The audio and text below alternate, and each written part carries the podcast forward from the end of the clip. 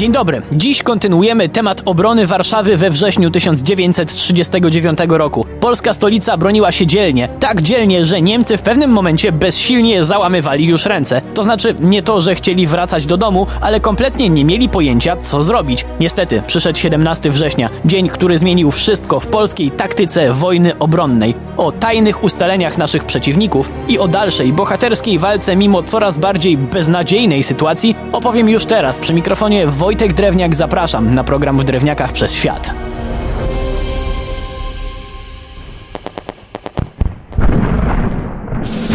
Po odparciu ataków 15 i 16 września obrońcy Warszawy spodziewali się kolejnego szturmu kolejnego dnia. Ten jednak nie nastąpił, to znaczy nie na taką skalę. Niemcy postanowili ograniczyć się do działań na mniejszą skalę i szybko okazało się czemu. Wschodnią granicę przekroczyli ich sojusznicy ze Związku Radzieckiego. Niemcy uznali zatem, że nie ma sensu odwalać brudnej roboty za Sowietów. Jak to? Otóż w założeniach paktu Ribbentrop-Mołotow po pokonaniu Polski granica między III Rzeszą a ZSRR miała przebiegać przez Wisłę, a więc i przez Warszawę. Rosjanie i Niemcy umówili się tak, że lewobrzeżna Warszawa będzie niemiecka, a prawobrzeżna, czyli ta wschodnia, sowiecka. Hitlerowcy uznali zatem, że skoro warszawska Praga i inne dzielnice po tamtej stronie Wisły będą poza ich państwem, no to po co się o nie użerać z wściekłymi Polakami? Tylko zaraz, przecież chyba nie było Sowietów w 39 w Warszawie, prawda? Prawda, bo plany się trochę zmieniły. Dzierżyńska grupa konno-zmechanizowana, która miała dla Stalina zabezpieczyć wschodnią Warszawę, najpierw poniosła straty pod Grodnem, co już opóźniło atak, a potem jeszcze spotkała się z dość przyziemnym problemem braku paliwa. Dni mijały, a Sowieci pod Warszawą się nie pojawiali. W końcu o ich nieobecności w Warszawie na początku wojny przesądziła korekta planu Ribbentrop-Mołotow. Zaborcy uznali bowiem, że ustalony podział jest dość niewygodny, w związku z czym Niemcy wezmą nie tylko całą Warszawę, ale w sumie to Lublin też i granica między państwami oprze się jednak o Bóg. Jakim cudem łasy na ziemię Stalin się na to zgodził? Bo w zamian za te ustępstwa miał sobie przygarnąć Litwę. Oczywiście Litwini nie mieli w tej sprawie nic do gadania.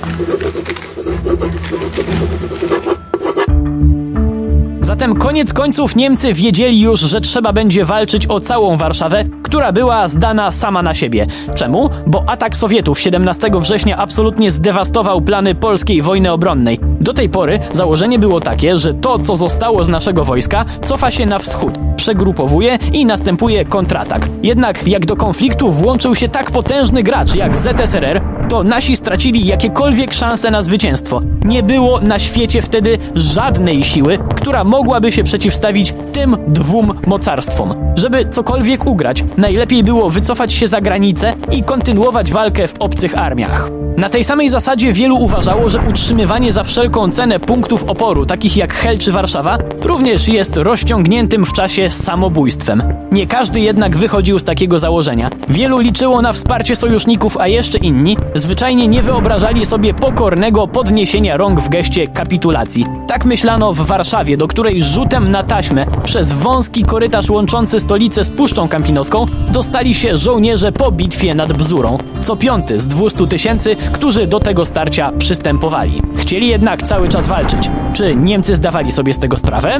Jak najbardziej. Nie ma bowiem co kryć, w każdej wojnie zdarzają się dezerterzy. Tacy właśnie dezerterzy przemykali się do Niemców z polskiej strony i chętnie opowiadali, jak sytuacja w Warszawie wygląda. Hitlerowcy wcale nie byli zadowoleni z tego, co usłyszeli z ust zdrajców. Na podstawie tych zeznań szef III Armii Niemieckiej napisał raport, w którym czytamy: Duch bojowy oddziałów polskich ma być zarówno przedtem, jak i obecnie dobry. Niemieckie ulotki propagandowe nie odnoszą żadnego skutku. W Warszawie i na Pradze ma znajdować się bardzo dużo wojska. Ogień artylerii niemieckiej miał przynieść więcej straty ludności cywilnej niż wojsku. Co gorsza, dezerterzy informowali też o tym, że raczej nie ma problemów z zaopatrzeniem. Niemcy wiedzieli zatem, że łatwo nie będzie. Postanowili jednak rozpocząć szturm dość szybko. Ustalili datę na 22 września, czyli zaczęli atak jeszcze przed zmianą ustaleń z traktatu Ribbentrop-Mołotow.